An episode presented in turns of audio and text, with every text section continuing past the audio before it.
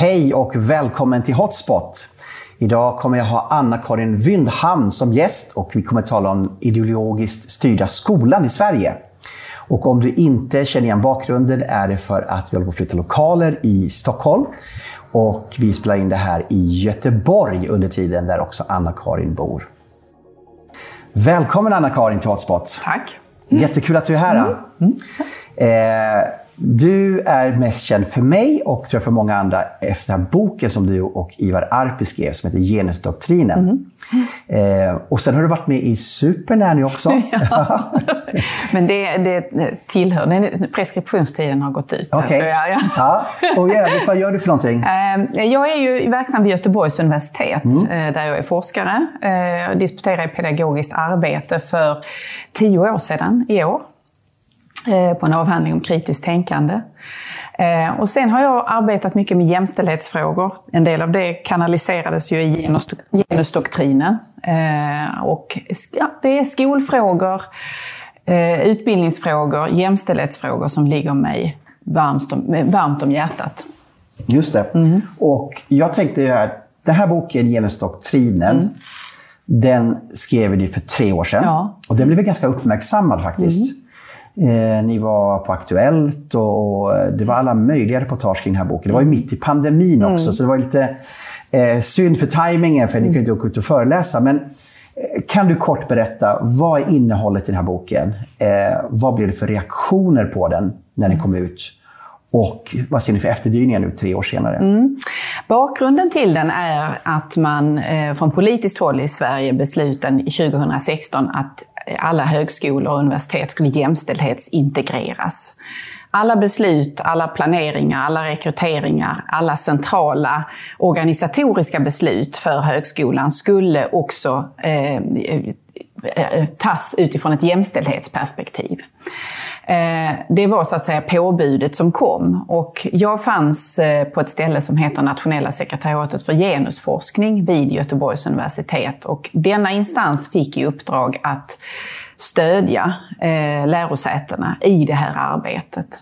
Och det som där skedde var en menar jag, radikalisering av jämställdhetsintegreringsuppdraget. Och när du säger stödja, då är det därifrån alla läroverk skulle hämta sin sina instruktioner, sina inspir sin inspiration. Ja, precis. Ja. Vägledningsdokument. Ja. Eh, hur ska vi tänka kring de här frågorna? Kan, hur kan vi få hjälp att förstå de eventuella jämställdhetsproblem eller ojämställdhet som finns? Vilka eh, glasögon ska vi ha på oss när vi ser på verksamheten och tolkar den? Då? Eh, det var också så att eh, den här institutionen eller instansen tittade på alla de planer som kom in från respektive lärosäte. Där man hade gjort upp en prioriteringsordning eller en agenda för jämställdhetsintegreringen. Detta tittade sekretariatet på och gav återkoppling. Och där nådde väl jag någon slags punkt då i det arbetet där jag menade på att, eller såg att det här förvrider, det här förändrar vad ett universitet är. Därför att om det är så att alla institutioner, all verksamhet, all grundutbildning och också forskning ska ha detta perspektiv, ett visst genusperspektiv och då addera på det ett intersektionellt perspektiv, gärna normkritiskt också. Då innebär det att man överordnar en viss typ av teori ett visst sätt att förstå ojämställdhet eller hur eh, fördelningen av kön faller ut. Det överordnas andra teorier och perspektiv på samma eh, fenomen eller samma problem. Eh, och då styr man eller begränsar man den akademiska friheten. Och då har vi inte universitet i den bemärkelsen som en fri demokrati ska ha. Mm. Och det är väl därför du använder ordet doktrin här? Ja, det, mm. det, det, eh, Eller ni använder Ja, precis. Ja. Det, det, är det sättet vi försöker synliggöra mm. vad det här blir till. Många vill göra gällande att Ivar och jag i boken är så att säga genusvetenskapens fiender. Eller att vi är det intersektionella perspektivets fiender, alltså perspektivet per se, att det är det vi vill ha bort. Men inom ramen för vissa institutioner och forskningsmiljöer kan de här perspektiven och teorierna vara eh, verksamma och eh, bidra med att, eh, så att säga, öppna ögonen för, för, för nya dimensioner i samhället eller för eh, eh, eh, aspekter av livet som man annars inte hade fått fatt på. Men om man överordnar just detta, allt annat, och säger att det är det som är styrande och som ni ska anlägga, då blir det till ett doktrinärt tänkande istället. Mm. Och jag tänker på doktrin, då tänker jag också att det finns en ortodoxi. Jag tycker att det finns en, en ortodoxi kring det här, att det här är enbart det enda som synen som får finnas och det måste vara väldigt renlärig då, eller? Ja, alltså tittar vi på det, är ju inte bara lärosätena mm. därför att eh, alla myndigheter i Sverige har fått ett påbud om att jämställdhetsintegrera sig några år innan det kom till universiteten. Så samma, och det, det var också nationella sekretariatet som bistod myndigheterna i det. Så där har vi ju Skolverket till exempel, som också har jämställdhetsintegrerat sig på samma vis och med samma stödinstrument. Och då får vi en, en styrning också av hur myndigheterna agerar mot dig som medborgare och i hur de förstår eh, de olika uppdrag som politiken lägger på dem därefter. Eh, och, och till det här med att vi använder doktrin och doktrinärt där finns ju också att vetenskapliga miljöer mår ju bra av att det finns en spänning, en spänst inom de grupperingar som finns där. Man ska helst inte tänka precis lika alla. Mm. Eh, utan när någon lägger fram en text, jag till exempel, så är jag ju beroende av att det finns kritiska blickar på denna och att någon prövar de antaganden jag lägger in i texten och hur jag tolkar och läser mina källor och så vidare. Men om alla delar grundsyn, alla delar kanske också politisk positionering i samhället, då kommer det här kritiska intern inom akademiska samtalet att bli till en ekokammare. Eh, och tittar vi på eh, en del miljöer inom till, ta sociologi som exempel, eller genusvetenskap, så om man frågar vad röstar ni på? De som söker sig dit, så har vi en sned, så att säga en övervikt i, eh, åt ett, eh, vänster, eh, en vänsterorientering. Eller att man som inom genusvetenskap har eh, då, under det senaste decenniet varit väldigt orienterad mot feministiskt initiativ och så vidare. Då. Och det är ju inte i sig fel, men mm. när det blir bara det, då, då dör det här inom akademiska kritiska samtalet som är helt avgörande för att det inte blir en Eh, så att säga, att man kör, eh, kopierar de produkter så man kan lägga dem bredvid varandra och så finns det så att säga ingen nyansering i dem. Mm. Mm. Vi ska komma in på det här, den demokratiska aspekten i det mm. hela. Eh, Sovjetunionen hade ju en forskare som hette Trofim Lusjenko. Mm. Jag vet du känner till honom? Han var ju agronom och biolog och han tittade ju på då, eh, genetik och menade att man kunde förvärva sig egenskaper som man sen då genetiskt överförde sin avkomma. Mm.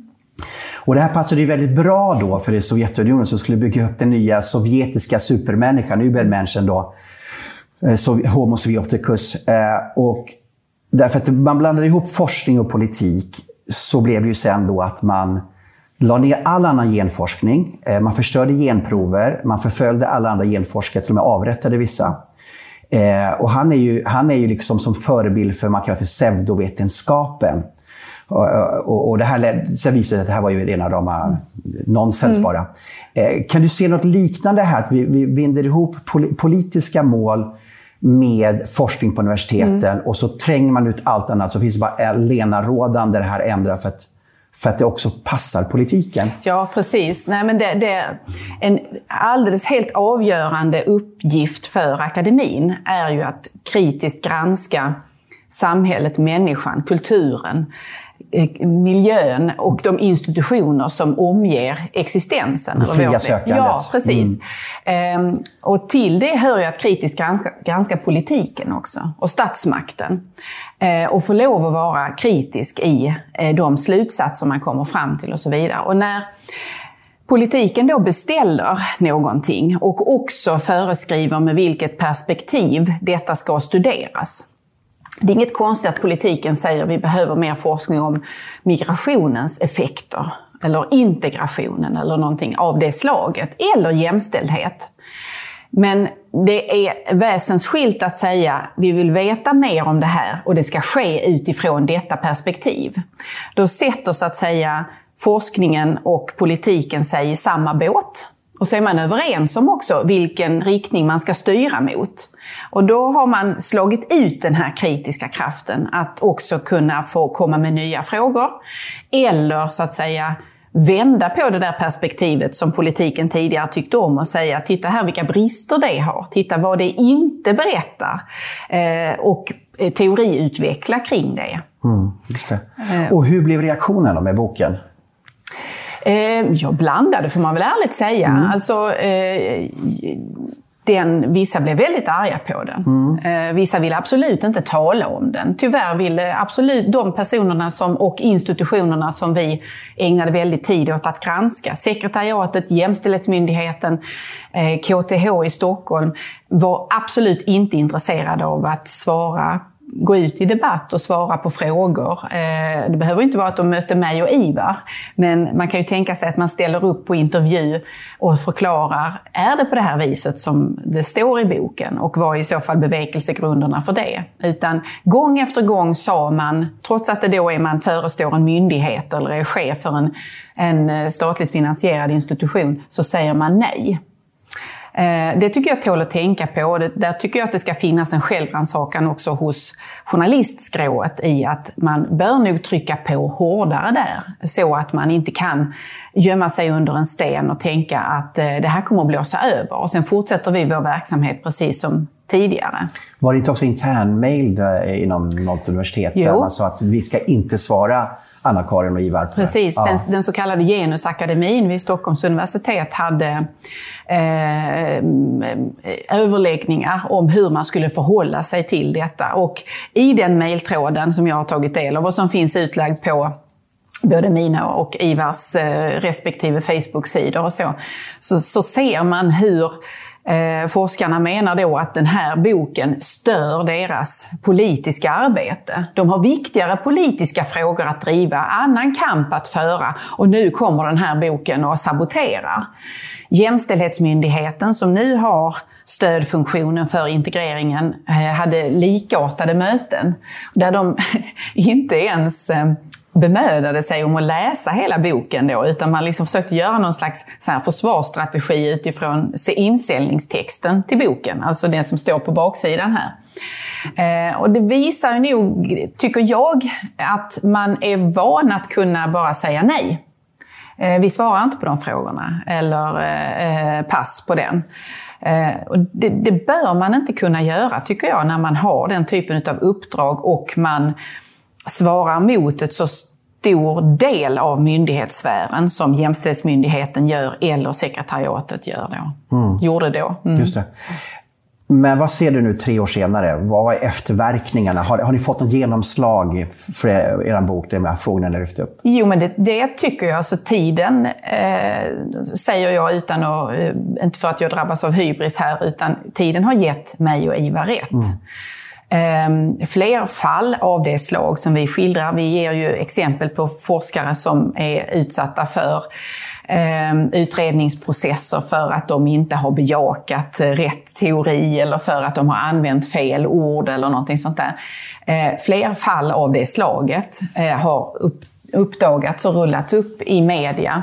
Det hette när vi, eh, boken kom att det här bygger bara på anekdoter.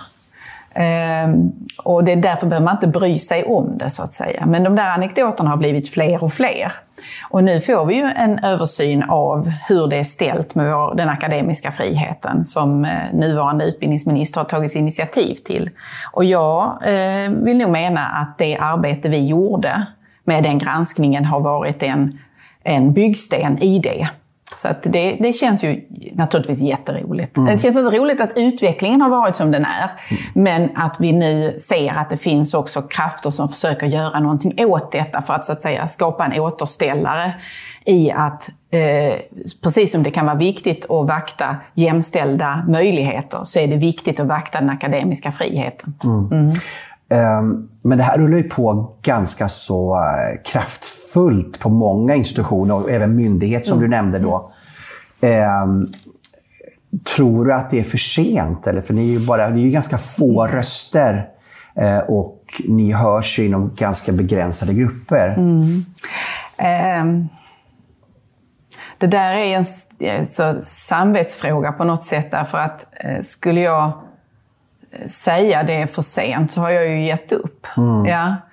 Eh, och eh, liksom lämna walkover då till de krafter som jag har ägnat rätt mycket tid åt att försöka eh, vara någon slags motkraft till. Det är nog ställt utom allt rimligt tvivel att det här är en, ett mindset eller ett sätt att förstå världen och eh, eh, de ordningar som finns där i som har satt sig hårt i myndighets-Sverige och som påverkar eh, helt avgörande verksamheter som till exempel Skolverket. Mm. Eh, och universitetsvärlden för den delen. Men det, icke desto mindre så är det så att en del sällar sig till de här krafterna också därför att det kan vara karriärmässigt gynnsamt. Det kanske inte är så att man tror på det. Man är inte övertygad egentligen. Man är opportunist. Ja, mm. faktiskt. Mm. Och det som sker nu tror jag kommer att möjligen ske en balansering därvidlag. Därför att det är inte liksom, eh, lika gynnsamt kanske att satsa på de här idéerna längre. Mm. Jag hoppas det. det. det. är väl i alla fall en, ett skifte jag, jag tror mig kunna våga hoppas på. Sen handlar det ju om vad, vad ansvariga ministrar gör av detta och hur man följer upp och hur man ger i regleringsbrev och liknande. Jag tycker man ska använda den möjligheten. Mm. Mm. Jag tänker på, det här, det här, den här boken handlar om universiteten. Mm. Eh, men det som sker på universiteten, det får ju eko i hela samhället. Mm. Och nästa steg universiteten är gymnasierna och grundskolan. Och där har vi Skolverket Eh, du skrev nyligen en artikel på Rak Höger om hur Skolverket tar väldigt radikala idéer eh, och kring eh, intersektionalism och mm. normkritik. Eh, och torgför det eh, som ja, rena de här instruktionerna till lärarna. Eh, och du anser att det är en otillbörlig påverkan. Kan du konkretisera hur det här ser ut så att vi andra förstår mm. vad de gör som du reagerar på? Jag eh, får ta lite bakgrund bara för att den texten som du refererar till där bak ja. höger, den hade sin upprinnelse i en, en krönika där jag attackerade, eller var väldigt kritisk mot nuvarande generaldirektör Peter Fredriksson, han är vid Skolverket, som Eh, älskar att tala om eh, skolan som ett bildningstempel. Eh, och så vidare. Då. Och så gick jag igenom och tittade på hur ser Skolverkets stödmaterial ut. Och där finns Eh, inte så mycket som jag skulle säga som kan, man kan använda som verktyg för att bygga det här bildningstemplet, utan tilltalet är ofta väldigt ja, nedlåtande i förhållande till läraren där man utgår från att läraren inte begriper så mycket av sitt uppdrag och behöver bli tilltalad som ett barn ungefär. Och sen utspann sig en, en dialog oss emellan därför att den kritiken fick så pass genomslag att Skolverket avpublicerade flera av de filmer som jag då gav exempel på. Bland annat hade man anlitat ett queer-feministiskt Eh, poesikollektiv för att tolka läroplanen och eh, betygskriterierna och eh, eh, värdegrunden och betalt en, en rund summa för detta. Jag tror det kallas för Queer Feminist Poetry Slam tolkning av läroplan och betygskriterierna. Är det den du menar? Eller? Ja, precis. Vad, vad betyder det? ja, det var ju ett ordkonstverk som ja. de skapade ja. i tre filmer som Skolverket la kraft på att eh, spela in eh, och göra en produktion kring och sen sprida och lägga ut som stödmaterial då, eller som inspiration antagligen var det tänkt. Eh, och i, i ordväxlingen mellan mig och Fredriksson så sa jag att Skolverket är fast i att eh, hela tiden plädera för ett normkritiskt perspektiv. Det viktigaste är att läraren har ett normkritiskt perspektiv. Skolverket är också fast i att ha en förståelse av läraruppdraget där eh, man har Eh, en kunskapssyn som vi borde ha så att säga lämnat bakom oss. Eh, och, och, man har re, ibland en relativiserande förståelse av kunskap och så vidare. Och Fredriksson slog ut och sa att nej, det är inte alls på det sättet. Vi är inte alls fast i normkritikens grepp. Och då gick jag igenom och tittade hur det ser ut på deras material som har med värdegrund, som har med trakasserier och kränkningar och arbete med värderingar att göra. Och där är det fullt ut av detta fortfarande. Mm. Och där kan man då också se att de eh, personer eller produktionsbolag som man använder sig av för att få fram det här stödmaterialet är hårt investerad i precis det här tankegodset som Ivar och jag också beskriver i genusdoktrinen. Och det färgar ju naturligtvis hur man beskriver läraruppdraget. Mm. du nämnde Amphi Production. Ja, ja. Mm, som eh, eh de har fakturerat Skolverket, vad var det, 707 000 plus moms för ett antal eh, textproduktioner som går, där det, det tydligt framgår att eh, läraren ska dela med sig av sin kunskapsauktoritet. Öppna upp så att elevens syn på sanning och på vetande och kunskap ska jämställas med din som lärare. Och det är, menar jag, eh, ett skolboksexempel på en relativistisk syn på kunskap. Um, som är destruktiv för skolan mm. och som inte har gagnat skolan på något vis under de senaste decennierna. Skolverket var tidigt ute med att föreskriva ett normkritiskt perspektiv och bejaka de idéerna. Nu kallar man det normmedvetet istället. Då. kan man notera om man surfar in och ser, men det är samma sak. Mm. Mm. Jag såg nu på eh, Skolverkets hemsida här kring deras jämställdhetsarbete, mm. eller till och med aktiva jämställdhetsarbete. Mm. Mm. Uh, det var 28 bullets points där. Ja. Uh, och där var det liksom högt och lågt tycker jag. Så en mm. del är ju självklarheter. Ingen ska diskrimineras på grund av deras kön. Uh, arbete mot mobbing, trakasserier. Men man kan ju också tycka att de smyger in grejer som är då mer av det här woke-ideologin. Um, Exempelvis då ska man titta på maskulinitetsnormen, mm. debattera och analysera den. Mm. Mm. Jo, eh, och det är ju en eh, bra, eller ett paradexempel på det Skolverket har varit fixerad vid vad gäller just jämställdheten, där man har sett flickors underordning. Det har man tagit som, som utgångspunkt att flickor har svårare att ta för sig. De eh, blir tillbakasatta, tillbakatryckta av pojkarna i klassrummet. Det där stämde om vi går tillbaka flera decennier. Alltså om vi tittar slutet på 80-talet, eh, eller ännu tidigare. Då fanns det sådana mönster. Eh, och där insatserna för att, så att säga, stödja läraren att bättre tänka kring hur man fördelar ordet eller vem man uppmärksammar eller vem man mm, använder som eh, kuddflicka fanns det ju ett uttryck då, att det vill säga man sätter in en stötdämpare mellan två bråkiga killar. Det är bara det att under den tiden som har gått så har ju flickor lyckats bättre och bättre och bättre i skolan och är nu betygsmässigt eh, överpresterar de då, eller är mer framgångsrika än pojkar i alla ämnen utom i idrott och hälsa. Eh, men Skolverket är kvar i att det är flickorna som är underordnade. Därför att det stämmer med den teoribyggnad som de använder, eller de eh, byggnadsställningar som då normkritiken bland annat hjälper till med. Och när man tittar på pojkars underprestation i skolan och det faktum att de halkar efter i alla ämnen. Eh, då säger man att vad är skälet till det? Skälet är att de har dåliga maskulinitetsnormer eller dåliga förebilder. Så att då är det in i pojkarna man ska in och skruva och ändra på dem istället. Inte i det som är kring pojken. Alltså hur läraren tänker kring pojkar eller hur de fördelar ordet, för att ta exemplet som jag sa tidigare då. Eller hur man ser på de möjligheter man ger pojkar i klassrummet. Mm. Så att vi har två olika sätt att förstå eh, framgång eller motsatsen här då. Eh, det är strukturanalys när det gäller flickor och maskulinitetsnormer när det gäller pojkar. Mm. Jag har ju tre pojkar själv. Då. Mm. Två av dem har nyligen gått i gymnasiet och en går fortfarande då i gymnasiet. Eh, och jag kan ju tycka från årskurs 6, 7 och uppåt, framförallt högstadiet, så, så tycker jag det har varit liksom en form av man-bashing som mm. de har växt upp med. Mm. Och som också har skapat liksom ganska mycket förbittring hos dem och deras kompisar. De känner att de alltid blir skuldbelagda. Mm. De är liksom, det är riggat i att de är skuld till mm. saker och ting. Mm. Vad tror du det här skapar också mellan relationen pojkar och flickor? Alltså det, det, det, det, det hjälper ju inte till att skapa harmoniska relationer. Man ser ju varandra som antagonister mm. nästan. Mm.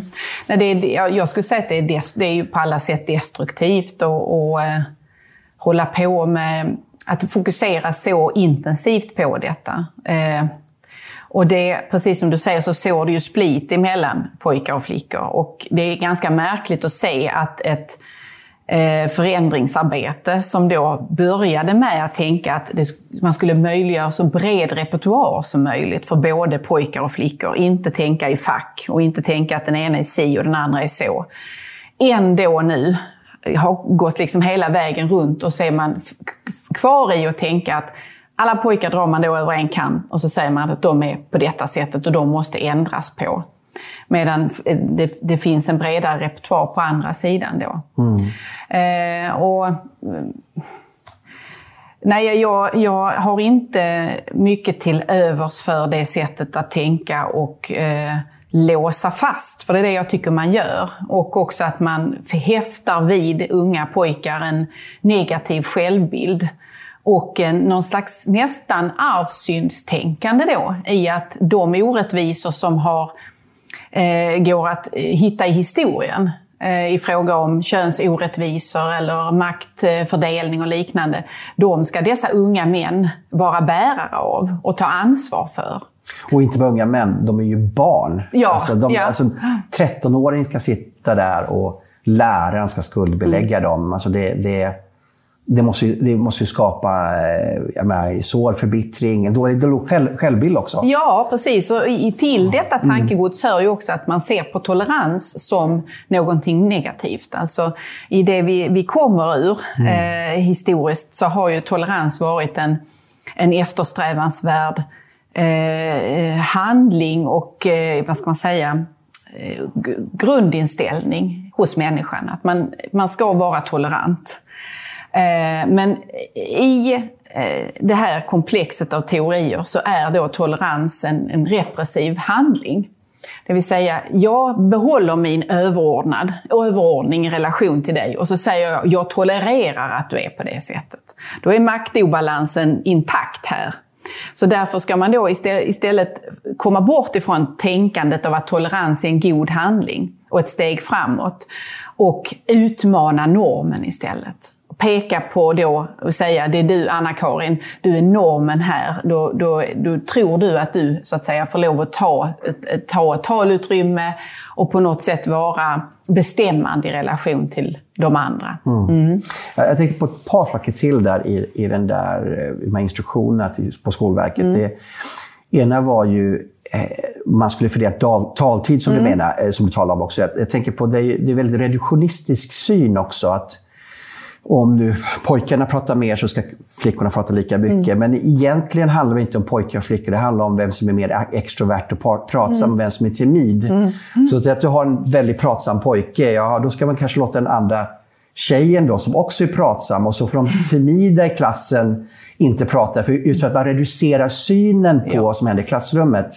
Ja. Eh, ja. Jo, nej, och det är ju, där finns det ju en parallell till Ehm, det, det ligger ju någonting egentligen essentialiserande i det. Att det handlar om, eh, inte vilka som du är ute efter, vilka i klassen är det som talar, utan det är bara i form av deras yttre attribut och vilket kön de tillhör. Det är så man så att säga mäter om det är rättvist eller inte. I eh, genusdoktrinen tar vi ju ett exempel med att litteraturlistorna till universitetskursers eh, litteratur, kurslitteratur ska vara jämställd. Alltså det ska vara inom spannet 60-40 sett till vilka författare kurslitteraturen är skriven av. Eh, jo, men då får man ju ganska omedelbart problem om man går, om det, den, det litteraturen ska behandla eh, tillhör, går tillbaka långt i tiden och då kvinnor inte var Eh, på grund av maktorättvisor bland annat, är frekventa som författare. Då får vi så att säga skriva om historien på något sätt för att hitta eh, de röster så att vi har en könsbalanserad litteraturlista. Men det är väl inte på författarnamnet man ser om det är så att säga eh, jämställt eller inte, utan det handlar väl om vad de säger. Är det en bra bok? Bidrar den till det som är lärandemål eller inte? Eh, svarar den mot det kursen ska avhandla? Eller är, all, är, är det underordnat att vi kan visa upp en jämn fördelning av författarlistan här? Men jag tänker på alla kvar, om man, går in på spåret med kvotering. Mm. Eh, du kan ju antingen gå efter meritokrati och då, har, liksom, då är det lika villkor för alla. Ja. Alltså, vem är mest lämpad oavsett din bakgrund och övriga identiteter. Eller så använder du då kvotering för att på något sätt skapa någon form av rättvisa. Eh, men det där är ett ganska trubbigt redskap därför att du hittar ju alltid någon annan mindre grupp. Om du har mellan män och kvinnor så mm. har du sen invandrarrepresentation mm. eller handikapprepresentation mm. eller någon annan form av minoritetsperspektiv. Mm. Eh, så du kan väl aldrig hitta någon riktig rättvisa i kvoterings, eh, kvoteringsvägen. Eller alltså, till slut måste du nästan använda en slumpmaskin. Ja, eller, eller, finns det, tycker du, finns det eh, vissa situationer du kanske måste kvotera? Vi har till exempel SIS-hemmen här där det har varit mycket sexuella övergrepp på eh, flickor. Då säger man att vi ska ha minst 70% av personalen ska vara kvinnor just för att man ska få ner övergreppen. Det är ju kanske relevant. Men... Jo, men det är också en essentialiserande ja. tanke där man då tror att eh, kvinnor har i högre grad en inneboende godhet. Mm. Som gör att de kommer inte att bete sig svinaktigt eller på ett övergreppsliknande vis mot de vårdtagare eller ungdomar som finns där. Må det vara på ett sådant hem eller i någon annan institution.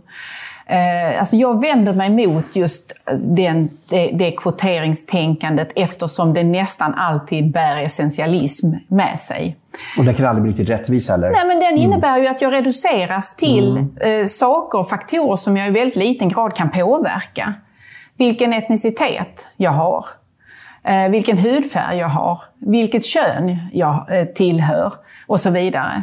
Eller hur jag ser ut överhuvudtaget, det är ju inte saker jag kan påverka. Och eh, om det då är det som kvalificerar eller diskvalificerar mig till vissa positioner och sammanhang, då kan jag ju lika gärna ge upp. Då finns det ingen anledning att sträva eller försöka på något annat vis, för att jag kommer bara bli eh, inplockad för att jag har de yttre attribut som någon annan har bestämt är viktig. Ja, och eh, vad jag sen förväntas bidra med till den här gruppen, arbetsplatsen eller sammanhanget ska spegla den fördomen och föreställningen. Anser du att, att vi inte ska ha någon kvotering överhuvudtaget? Eller att det är upp till varje arbetsplats utifrån gruppdynamiken? Eller? Nej, men jag är inte vän av, av kvotering på något mm. vis. Inte alls? Nej. Det var bara meritokrati? Ja, ja, men, men det, till, till, det hör ju att meritokratin är ju inte i sig eh, ofelbar eller perfekt. Utan alla system måste hela tiden utsättas för prövningar och eh, granskningsprocesser där man ser, finns det bias? Finns det snedvridning här som gör att man tenderar att exempelvis välja in personer som liknar en själv? Snarare än att man närläser då CV som man har skickat med. Eller att man tittar på något annan lämplighetsprövning för det man nu eventuellt har sökt sig till.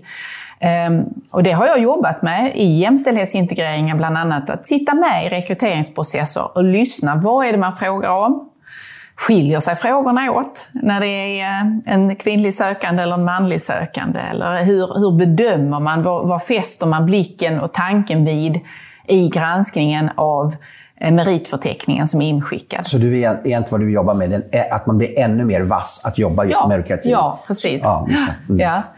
Um, och, och sen är det klart att um, när man får i en yrkeskategori, ta läraryrket till mm. exempel, mm. och man får en, en extrem skevhet i vilka som söker sig dit, därför att det är i princip bara kvinnor som söker sig till läraryrket i vissa ämneskombinationer och i synnerhet för yngre barn så är, är eh, manliga studenter eh, nästan totalt frånvarande. I, när, när ett sådant mönster uppträder, då är det klart att man också där måste fråga sig, finns det någonting i hur utbildningen är utformad eller hur yrket ser ut som kan förklara varför det här inte alls har någon attraktionskraft på, på den andra hälften av befolkningen. Okej, okay, så det är att istället för att kvotera in män då, ja. å andra sidan, man titta på varför män inte attraheras till ja, när de behövs. Ja, som exempelvis skolan där det finns många unga pojkar ja, som, som har lättare att relatera till en manlig förebild än en kvinnlig kanske. Ja, och mm. också för att det är eh, jag tycker det är en skyldighet för en utbildning att, att hela tiden titta på, eh, på just därför att är det så att en viss grupp tenderar att hoppa av utbildningen en bit in. Varför är det då denna grupp som väljer att lämna? Mm. Är det någonting som gör att man stöter bort eller inte har eh, samma öppenhet för att eh, ge denna typ av student möjligheter. Så, mm. så det tror jag är nyttigt att göra och bör man ägna sig åt. Mm. Vad, säger du om det här att eh, nu ska ju, vad jag förstår, alla kurser mm. eh, inom skolan, jag, vet, jag kan fel, är information jag har fått, jag har inte hunnit kolla upp det, men alla kurser inom skolan ska ha ett eh, jämställdhetsperspektiv, ett mm. genusperspektiv. Jag vet att det så på universiteten, mm. men att man även ska dra ner det nu till grundskola och gymnasier. Mm. Um, vad har du för tankar kring det? Uh, jag tror inte att det per automatik eh, behöver vara dåligt eller så. Utan där är det igen samma fråga egentligen som i genusdoktrinen. Är det så att det här jämställdhetsperspektivet ska läggas till utifrån ett visst sätt att förstå kön och ett visst sätt att förstå könsmönster? Eh, och med en ambition att förändra eh, eleverna i en viss riktning som ligger i linje med det här perspektivet, då har vi ett problem. Men att i ämnet historia exempelvis, som jag själv är, gymnasie, jag är gymnasielärare i ursprunget och eh, då i svenska och historia, att där i ha i bakhuvudet och tänka på vems historia är det vi berättar, vilket är perspektivet här? Finns det eh, eh, pusselbitar som saknas och som har att göra med att de här stora berättelserna har utelämnat vissa människors livserfarenheter och historier. Den typen av att man adderar till, så att säga, och på det viset ger en mm. fylligare bild för mm. eleverna att förstå sig själv och det förflutna, ser jag som helt naturlig. Men jag tänker så här, var tar den här rättvisan slut? Om vi nu använder könsperspektivet på historien. Mm. Ja, nästa grej är ju rasistiska strukturer i historien. Ja, fast då är det en teori. Ja. Då är det, det, det att, att, se rasistiska strukturer överallt mm. eh, och uppfatta rasism som strukturell också i vårt nuvarande samhälle. Mm. Eh, då, då, utgår man från en, en, eh, en viss teoretisk position mm. och en, en politiskt infärgad bild av människan och samhället och vad utbildningen ska göra med människan och samhället. Och det är något helt annat än det jag beskrev. Menar jag i alla fall. Just det. Mm. Um... För det innebär ju också att då kommer det här eh, arvssynstänkandet tillbaka. Mm, mm. Att eh, jag som vit eh, ska se och känna min skuld för eh, förtryck och övergrepp och orättvisor som är begångna av människor i det förflutna som inte har någonting annat gemensamt med mig. Ingen annan förbindelse än detta att vi har samma färg på huden. Mm.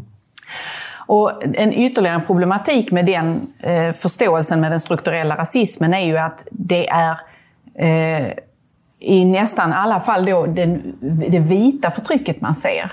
Man vill gärna säga att man har en intersektionell förståelse, nämligen att det där kan bero på.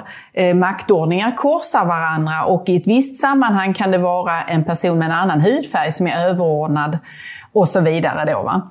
Eh, det lämnar man helt och sen så ser man inte att det kan finnas rasism mellan eh, olika minoritetsgrupper. Eller att de kan vara bärare av rasistiska tankefigurer eh, som skapar orättvisa och problem och utsatthet. Mm. Den typen av så att säga, nyansering av det är man tämligen blind för. Just det. Mm. Eh, jag tänker på en annan sak. Jag pratade precis med en lärare här som hade varit på en studiedag i, eh, i Stockholm. Gymnasielärare. Och då hade RFSL varit där och sagt att när ni är intresserade till en ny klass så ska ni först berätta om ert eget pronomen, mm -hmm. vilket pronomen ni föredrar, för att uppmuntra eleverna att berätta om sitt pronomen. Och så sa de att det här är inte en åsikt, det här är kunskap. Det är ingenting att diskutera. Mm. Um, hur ser du på det här? Alltså RFSL är ju en eh, intresseorganisation mm. som företräder ett särintresse. Mm. Att man får den här plattformen att så fritt verka. Mm. Eh, för att om man har den intresseorganisationen idag så kanske man har en annan intresseorganisation längre fram. Eh, och det här med värdeöverföring, du gjorde ju faktiskt en, en, mm. en, en disputerare på det mm. ämnet. Hur mycket värdeöverföring ska egentligen skolan syssla med mm. och hur mycket egentligen bildning och kunskap ska skolan syssla med? Därför att mm. Ska vi, hur mycket ska vi fostra våra medborgare egentligen mm. utifrån en politisk syn mm. som just nu är på modet? Eh, för 50 år sedan var någonting annat på modet och om 20 år sedan någonting annat på modet. Ska man liksom inte ha någon mer vad ska jag säga, en spelplan som vi alla är överens om. Där det är ganska neutralt egentligen kring värdeöverföringar. Jo, jo alltså, hela problemet med det där med att då faktiskt ibland påtvinga individer att man ska ange pronomen och så vidare. Mm. Ehm, det är ju att man är inne väldigt djupt i kärnan av människan. Ehm, funderingar och tankar och bryderier kanske som man kan ha som ung människa om vem man är. Mm. Eller vem man har begär till för den delen också. Och detta ska då läggas fram och bli någonting som alla i rummet förhåller sig till. Jag tror att det är svårt att hitta en, en tonåring i vilken tid som vi än tittar på, som inte har haft tankar om vem man är eller vad man, hur man kommer att leva sitt liv och vem man kommer att bli förälskad i och hur det där kommer att gestalta sig. Det är en del av att bli, en, bli till som människa. Eh, problemet här är ju att man då går in väldigt tidigt och också vill så att säga understödja ett visst sätt att eh, förstå och luckra upp kön. Eh, och luckra upp könsidentitet då. Eh, och där jag kan tro att man också som ung människa kan känna att det här är någonting man så att säga måste svara på och förhålla sig till och avge någon slags deklaration för varför då jag skulle eh, motivera varför jag vill ha pronomenet hon. Mm. Jag, jag, jag personligen till exempel har väldigt svårt när någon hämnar mig. För jag, jag tycker det är ganska tydligt vad jag är. Eh, eh, och, och, då blir det en politisk handling att hänna mig istället. Sen har jag ingen invändning mot att använda hen när det då i språkbruk i övrigt, när det, i det syfte det ursprungligen hade, nämligen att kön har ingen betydelse i den här satsen och därför kan vi skriva hen istället för han eller hon och så vidare. Mm. Um, men um, Nej, det där är ju, det är ju också... Om du fråga, din fråga handlar ju egentligen om fostrans gränser, skolfostrans gränser. Och eh, att skolan, den svenska skolan syftar till att fostra en demokratiskt sinnad människa. Det, det eh, har jag inga som helst problem med. Men det här är ju så att säga väldigt mycket längre gånget än det då. Alltså, mm. demokratiskt fostrad människa, mm. det är, alltså, i en demokrati så är det en fri åsiktsbildning. Ja. Eh, när man är i tonåren mm. så har man ju ännu inte kommit fram till vad man själv tycker. Man har inte de kunskaperna ännu. Mm. Eh, är, det, är det inte ett problem då att man eh, för vissa åsikter får ett företräde? För mm. läraren är ju en auktoritet. Mm. Mm. Och eh, du har ju alltid en liten andel som är lite rebeller och går sin egen väg. Men de kanske är vad, 10% 15% Den stora massan vill ju passa in. Ja. Och har liksom andra prioriteringar i sitt liv de tycker är viktigt. Och inte minst gemenskap. Eh, att, att det här är ju liksom att inte fostra en demokratisk människa genom att du ger företräde som idag då kanske mer radikala vänsteråsikter, mm. Mm. någonting annat, om tio år. Mm att någonstans måste vi komma överens om hur ska spelplanen se ut. Ja. Alltså, jag, det är som att man sitter och spelar spel med barn till exempel. Ja. Och Fruna Diamanten och så går det emot det här sexåringen. Mm. Det är inte bra för honom. Han blir jättearg, börjar gråta, vill gå därifrån och så vill han ändra reglerna. Mm. Och så ändrar man reglerna så att det ska passa honom mm. eller henne. Mm.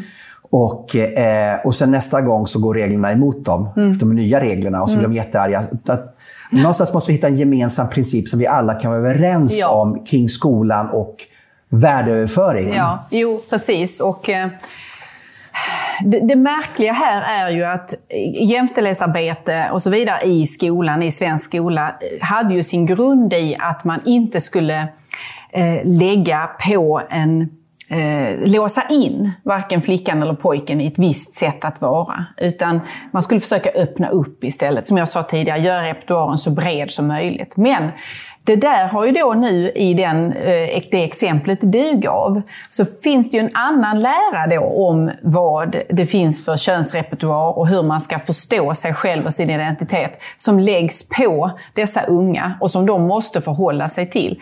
Vore jag verksam som lärare idag så, och en elev kom till mig och sa att jag vill att du eh, tilltalar mig på det här sättet eller vad det nu kan vara då som har med pronomen att göra. Så skulle jag försöka så långt det var möjligt utan att skapa konflikt och möta den eleven som individ i det. Eh, och jag skulle också försöka sträva efter att inte låsa in den, alltså ha en öppenhet för att det här kanske är en fas, till exempel. Alltså, jag tror alla som har varit unga, vilket är alla, har känt det där man har gått in och ut ur olika faser. Man får någonting som man är alldeles besatt av i en period och det är det viktigaste av allt. Och sen går det en månad och så är det någonting annat. Eh, det här som har bär, eh, ske, drag av att vara väldigt liberaliserande, väldigt progressivt, skulle jag säga egentligen handlar om en inlåsning. Där du ska, du ska varje dag då säga vilket pronomen är mitt och så därmed ge någon slags varudeklaration. Detta är jag. Detta är jag. Ja, då krävs det ju rätt mycket mod för att bryta sig ut ur det också. Så att jag tycker inte man ska vara där inne så mycket och pilla och greja. Och måla in barn i ett hörn. Nej, mm, precis. Mm, mm. Eh, ja, jag, jag, märker ju ibland då unga killar mm. eh, som då eh, inte följer det som just nu då är på modet att de är väldigt rädda för att säga sin åsikt. Eh, jag har en son, han har en t-shirt som står I'm conservative, therefore I think. Så jag frågar, vågar du ha den där i skolan? Så jag, Nej, det vågar jag inte, för då kommer jag få F, säger han. Oj! Mm. Ja. Eh, och jag tror inte att det är så. Nej. Men det är den föreställningen många unga konservativa killar har. Mm. Mm. Att de säger så här, eh, jag hör på pojkars vänner och det uppväxt att jag vågar inte säga vad jag tycker, för då kommer jag få lägre betyg. Mm. Det finns liksom en skräck och man är ju liksom Läraren är en auktoritet som kan då avgöra vad du får för betyg och vilken mm. skola du kommer in sen på gymnasiet och så från gymnasiet via till, till universiteten. Så man, man, man har en rätt att säga sin åsikt mm. idag. Är det någonting som du har märkt av eller när du rör dig i skolvärlden? Ja, alltså vi kan ju ta... Eh, det, det, finns ju definitivt i skolvärlden om man ser till hur den fegheten som finns och rädslan som finns inom universitetsvärlden. För precis egentligen samma sak som du beskriver, alltså att man vågar väldigt, eh, i väldigt liten utsträckning eh, bryta mot de eh, dogmer eller eh, eh, förmenta åsiktsgemenskaper som man tror att institutionen eller forskningsmiljön är.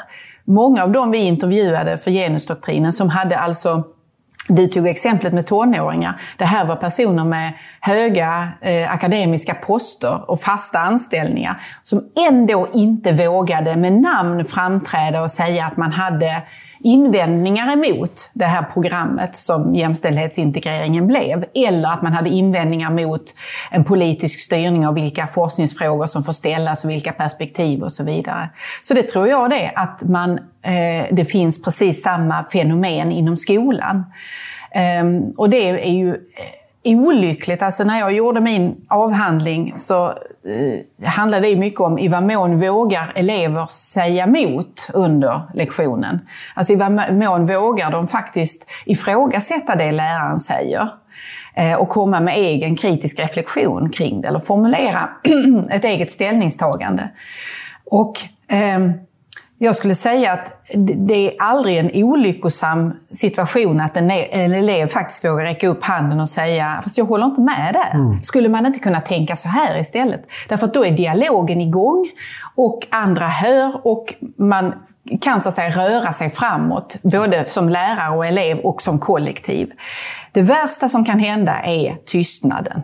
Ingen säger något, eller man drar luvan över huvudet och tänker att jag gör en inre exil här och tänker att om 40 minuter slipper jag ut. För då är lektionen slut. Eh, då, då har man ju misslyckats som lärare om man inte skapar en mm. atmosfär där jag faktiskt vågar räcka upp och vara av annan, en annan åsikt. Det betyder ju inte att faktakunskaper eller historiska, historiskt fastställda förlopp eh, också kan ifrågasättas och säga det där hände inte. Utan där måste ju läraren vara klar som kunskapsauktoritet. Det jag pratade om här handlar ju om värderingsfrågor. Där läraren måste bjuda in till att eleven också är med och formulerar och kanske ibland tar en annan hållning. Mm. Men det är ju skillnad på åsikter om saker och ting och om förintelsen har skett ja, eller inte. Jo, precis. Ja. Men man måste ja. göra den distinktionen ändå ja. eftersom vi ibland hamnar vi i skoldebatten om, mm. som jag gav exempel på, att Skolverket har den här typen av relativiserande, kunskapsrelativistiska dokument i sitt stödmaterial. Så är det viktigt att varje gång understryka att nej, alltså kunskap finns, vetande finns och vissa saker är ställt utom ifrågasättande. Mm. Mm. Eh, för många av de här då som, som driver de här väldigt progressiva idéerna så har man ju en husgud, eller ett par. Mm. Alltså man har Foucault, mm. man har Derrida. Foucault talar väldigt mycket om den här maktordningen och från, på sin tid eh, gjorde liksom, eh, en väldigt stark kritik mot eh, kunskapsförmedling. Han menar liksom att den man, man stärker en viss kunskap, power knowledge, för att bevara en, en, en maktstruktur. Mm. Um, jag kan tycka att idag är det tvärtom. Alltså de som företräder, de sitter på makten mm. idag. Det är, det är de som skulle ha fått kritik av Foucault idag. Mm. Mm. Um, Finns ja, det är en bra observation ja, faktiskt. Ja. Finns det någon reflektion kring detta? Att det är ju vi idag mm. som är det som vi kritiserar. Vi sitter ju på makten. Vi sitter och kritiserar makten, men vi är ju makten idag. Och vi trycker på de här power knowledge då för att liksom cementera den rätta synen. Nej, men det, det, det, de här vännerna som du talar om, de illustrerade ju detta med övertydlighet när eh, jag skrev, tillsammans med Ivar skrev genusdoktrinen. Därför att då anammade de, gjorde de precis en sån maktdemonstration i att reducera mig till att vara Ivar Arpis parhäst. Eller att han hade hittat någon i pedagogik disputerad då som han skulle liksom nästan underförstått lurat med i detta. Eh, att vi gör en maktanalys i granskningen, det såg de inte. Att vi så att säga gör en maktanalys på just de här lärorna och visar på hur de har hamnat i en överordnad position i universitetssystemet och utbildningssystemet. Det, det kunde inte de här Foucaultianerna identifiera. Eh, så det, jag tycker det är riktigt som du beskriver, att det, hegemonin bär ju eh, eh, Alltså äh, de som har bekänt sig till den här tron av att eh, världen är beskaffad på det sättet som eh, Michel Foucault sa. Och mm. där så att säga vetande egentligen inte existerar. Kunskap, det finns ingen säker kunskap. Det finns bara kunskapspositioner. Där om jag har hamnat i en viss eh, position där jag har makt, så är det det jag säger som får status av kunskap. Det är inte att det faktiskt är belagt att det förhåller sig på det sättet, utan det är makten som talar mm. istället. Och detta är ju en nära nog livsfarlig hållning att anamma om man sysslar med utbildning? Alltså, jag vet att du, du kan ju det här, men vad jag hör av mina vänner som studerar idag så är det ju att man får läsa Foucault och Derrida på första terminen, vare sig man läser till socionom eller man läser till ekonom, så tar man sätter på de här glasögonen mm. på en gång mm. och så ger alltså postmodernistiskt kunskapsparadigm, mm. eller kunskapsparadigm. Um, det är väl det här egentligen som är roten till det vi ser idag. Att det är en, det är en kamp mellan modernismen, empiri och en postmodern kunskapssyn, att det finns ingen kunskap, allting konstruktioner och så vidare. Mm. Eh, det är väl det egentligen som är så att säga, själva den här kollisionen som vi ser idag. Mm. Ja, och i det ligger ju ett, ett eh, nära nog eh, hat eller avsky mot eh, upplysningstidens eh, ledord.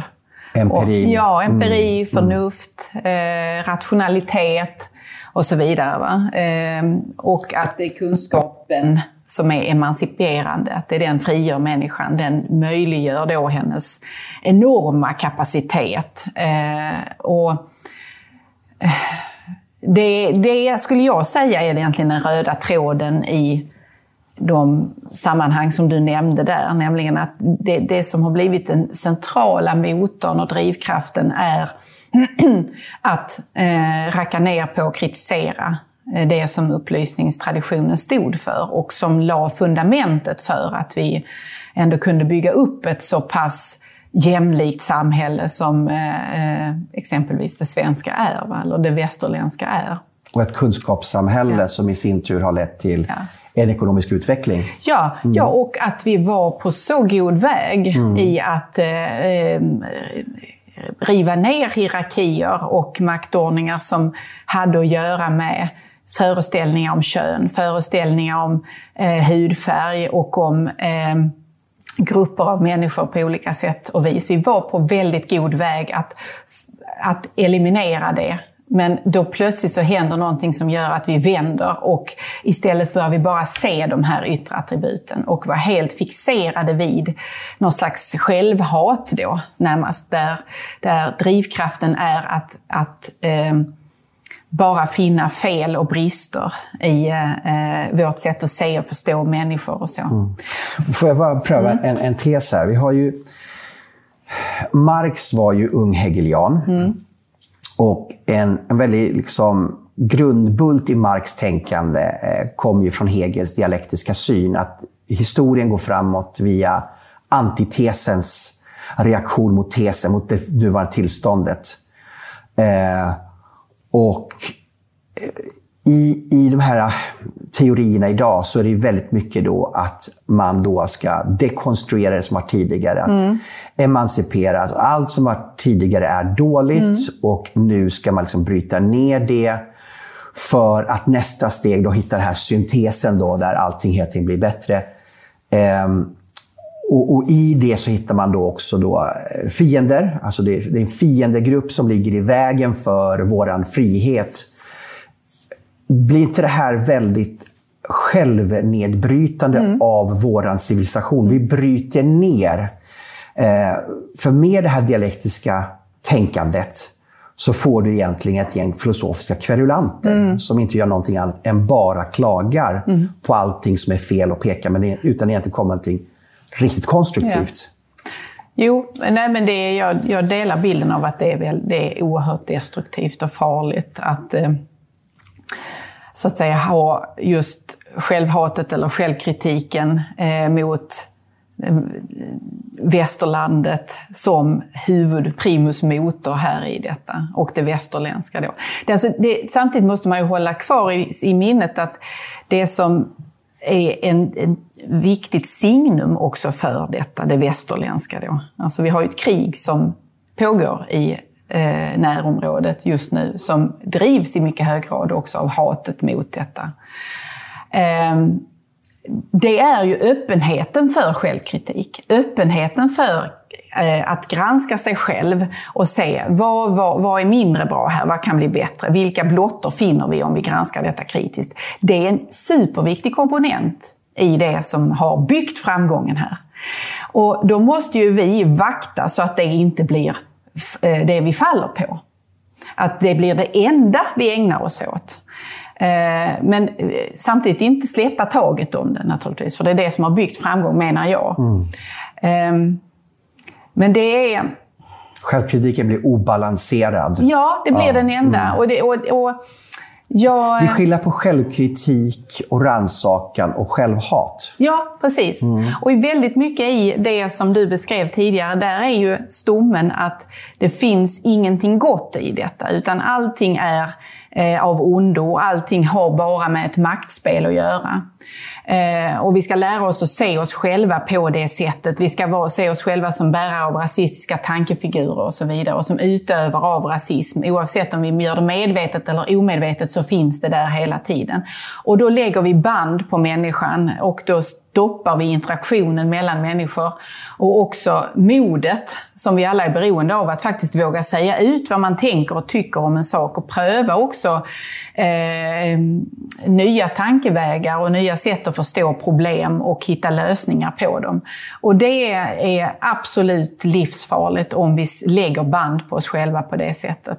Mm. Och där har forskare, där har akademiker, där har lärare, journalister och eh, viktiga samhällsspelare på det här sättet en skyldighet att eh, granska de här egna lärorna också och fortsätta tala och inte bara tänka det här gynnar inte min karriär och säga någonting negativt om detta.